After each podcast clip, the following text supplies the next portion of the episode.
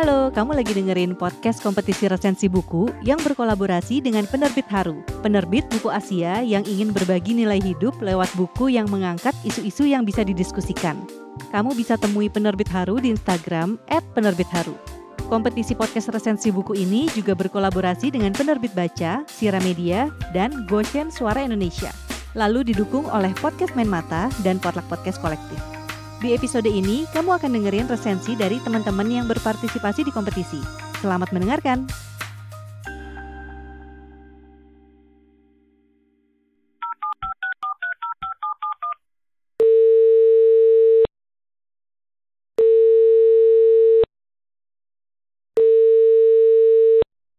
Hai Bi, Hai Nar, lagi ngapain? masih rebahan kok di kasur. Ya maksudnya selain lagi rebahan, lagi baca buku mungkin? Iya, tadi sebelum kamu nelfon lagi baca, baru aja kelar. Intertwine-nya penerbit Haru. Kok tahu? Tahu lah, kan aku yang kirim.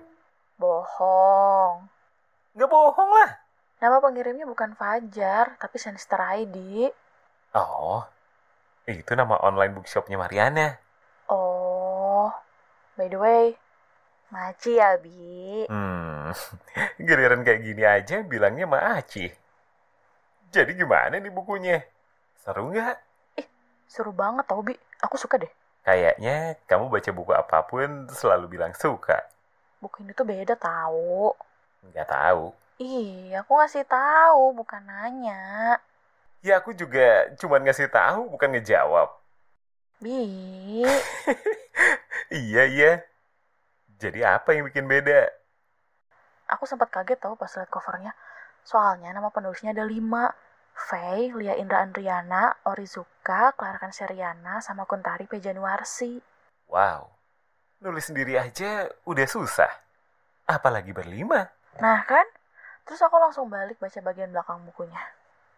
Berawal dari sebuah bredal. Lima wanita menguntai benang-benang kehidupan. Jihan, yang bercita-cita untuk menikah muda. Naomi, yang mengikuti kata hatinya untuk bertindak di luar logika. Emma, yang percaya kisah cinta dalam dongeng juga ada di dunia nyata. Ralin, yang berharap pernikahannya akan sempurna.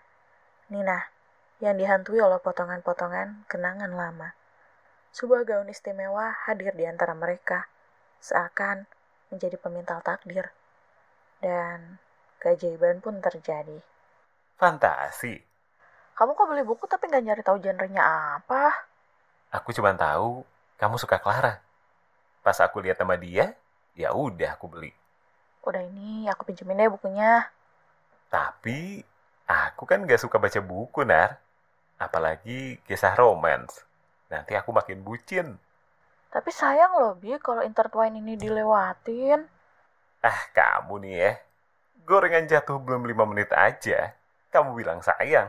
Bi, Iya. Jadi apa yang bikin buku ini kamu sayang? jadi kan buku ini tuh ada lima penulisnya. Aku tuh sempat mikir gimana caranya nulis berlima. Eh, ternyata masing-masing penulis itu bikin satu cerita pendek. Ada sekitar 400 halaman lah.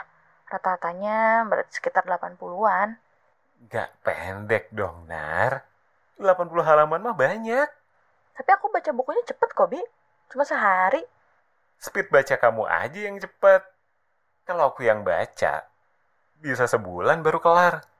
Pokoknya kamu harus baca. Jadi meski tiap penulis ini punya cerita yang beda, semuanya punya benang merah yang sama. Cerita pertama datang dari Orizuka, bercerita soal Jihan yang bekerja sebagai penerjemah sekaligus asisten pribadi seorang pria berkebangsaan Jepang. Dan sekelumit dari Jihan semakin menjadi ketika bosnya tiba-tiba minta dicariin gaun pengantin. Terus, Jihan nemu gaun di Fairy Bridal yang dari cara Orizuka menggambarkan perasaan Jihan, itu si gaun kayak ditakdirin buat dia gitu. Eh, terus datang cowok dan mereka rebutan gaun. Si cowok itu mau sewa juga. Iya, dua-duanya jadi pengen nyewa gitu. Terus akhirnya, Nanti spoiler lah, Bi. kalau kamu gak ngasih tahu, nanti di otak aku ada adegan cowok cewek lagi tarik-tarikan baju. Kayak ibu-ibu kalau di mall nemu big sale, terus barangnya tinggal sebiji doang. Oke, oke. Aku kasih spoiler dikit. Jihan akhirnya ngalah. Tapi dia punya kesempatan buat nyobain gaunnya.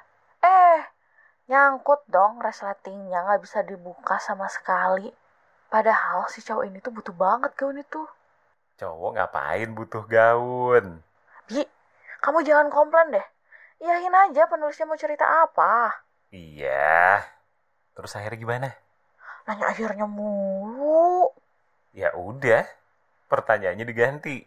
Selanjutnya cerita siapa? Cerita dari Faye. Pemeran utamanya namanya Naomi. Dia suka sama Theo, teman kerjanya di agensi detektif swasta. Suatu hari pas dia lagi nganter temannya nyari gaun buat nikahan, si Theo nelpon. Dia bilang kalau dia perlu Naomi datang nemuin dia pakai kostum gaun pengantin. Dia pakai gaun yang sama kayak yang dipakai Jihan. Iya, kayak cewek-cewek ini tuh punya takdir sama gaun itu tadi. Eh, tapi ternyata si Theo ini cuma jahilin Naomi.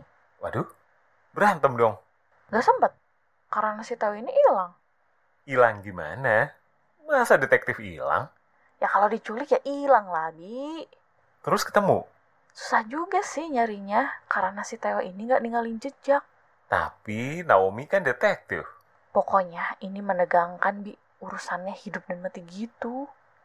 Salah satu mati, dua-duanya mati, apa dua-duanya masih hidup? Kalau aku ceritain nanti gak seru lagi dong, Bi. Tapi kan aku penasaran. Ya udah, aku ceritain cerita selanjutnya. Yang tadi nggak diberesin dulu. Gak mau ah, nanti spoiler.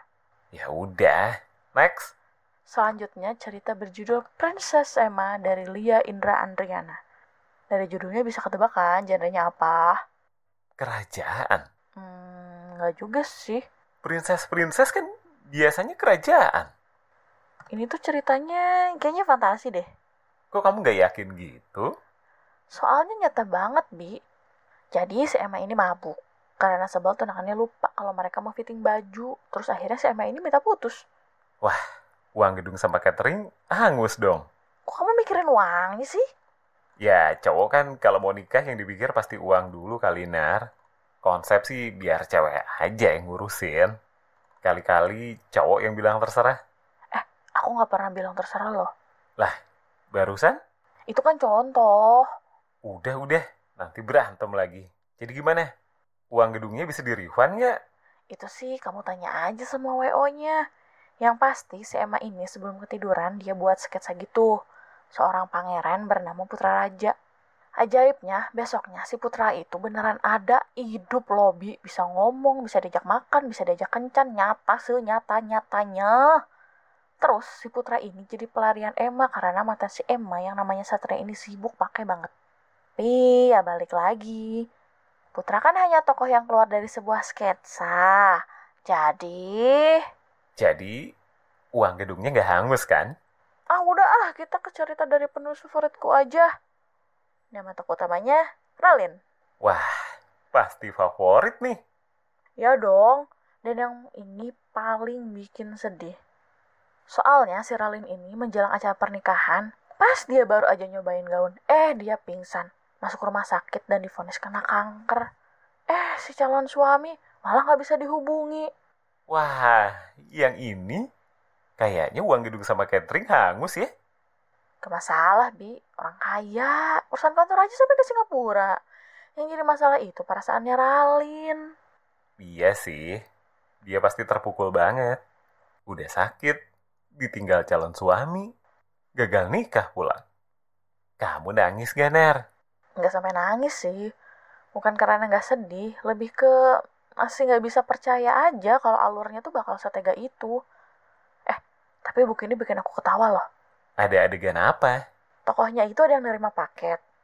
Terus dia tanda tangan gitu sebelum terima paketnya. Udahnya, pintu dia banting. Kurirnya gedor-gedor pintu. Sama si tokohnya diusir. Kata kurirnya, pulpen saya.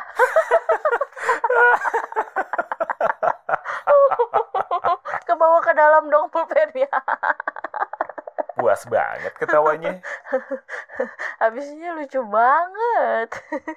Jadi, benang merahnya itu ada di gaun yang disewa dari Fairy Bridal. Iya, gaun yang sama. Di tiap awal cerita itu ada sketsanya juga, Bi. Perempuan berambut panjang dengan gaun. Kayaknya ya itu gaun yang disebut-sebut sepanjang buku. Cuma awalnya aku pikir itu sketsa si tokoh utama dalam balutan gaun, tapi ternyata bukan. Soalnya di tiap sketsa, rambutnya semuanya sama, padahal tokoh utama itu panjang rambutnya beda-beda. Buat aku yang imajinasinya jelek, bakal lebih asik kalau sketsanya itu, ya sketsa si tokoh utamanya pakai gaun. Terus pas aku merhatiin, tiap sketsa itu ada perbedaannya sedikit.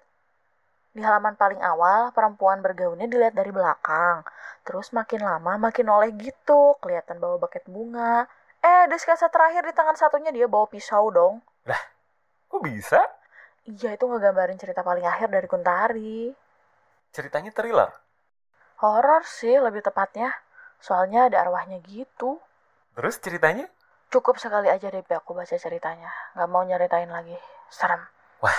Unik juga ya. Romantis, patah hati, fantasi, thriller, horor, semuanya jadi satu.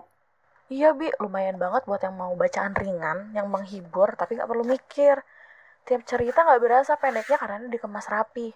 Gak tiba ada klimaks, tetap ada perkenalan, situasi masalahnya jelas, proses menuju klimaksnya bikin penasaran, dan endingnya tetap masuk akal. Terus, meski minim tokoh, ceritanya tetap bisa jalan. Dan setelah selesai, aku baru sadar kalau cerita-ceritanya itu sebenarnya sederhana.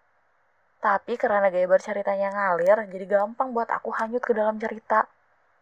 Cuma sayangnya, aku gak bisa ngegambar di otak aku temelin ceritanya kayak gimana. Maksudnya, itu gaun kan cuma satu ya. Aku penasaran siapa yang duluan minjem. Syukur-syukur kalau mereka papasan di Bridal. Apalagi kalau sampai mereka juga rebutan baju. Hmm, pasti heboh. Jadi lebih berasa kalau gaun yang mereka pinjam itu gaun yang sama dari tempat sewa yang sama. Dan kebetulan banget coba bentuk tubuh si pemeran utamanya tuh sama semua. Soalnya si gaun pas dicoba tuh pas semua. Ya, kalau nggak pas di tokoh utama, dia nggak akan pinjem dong, Dar. Oh iya ya. Emang baju pernikahan kayak kaos aja? Ada ukuran SML-nya? Emang gak ada ukuran SML-nya? Ya nggak ada lah, Nar. Makanya calon penantin itu suka ada acara fitting baju. Ya kan aku nggak tahu. Ya udah, kamu cari tempat penyewaan gaun pengantin, gih. Biar tahu gaun pengantin itu kayak gimana. Ya masa aku masuk buat lihat-lihat doang? Ya nyobain aja sekalian. Malu dong, Bi. Udah nyobain. Eh, ternyata nggak sewa. Ya udah, sewa aja sekalian. Buat apa? Ya buat nikahan lah. Emang kapan kita nikah? Kamu maunya kapan?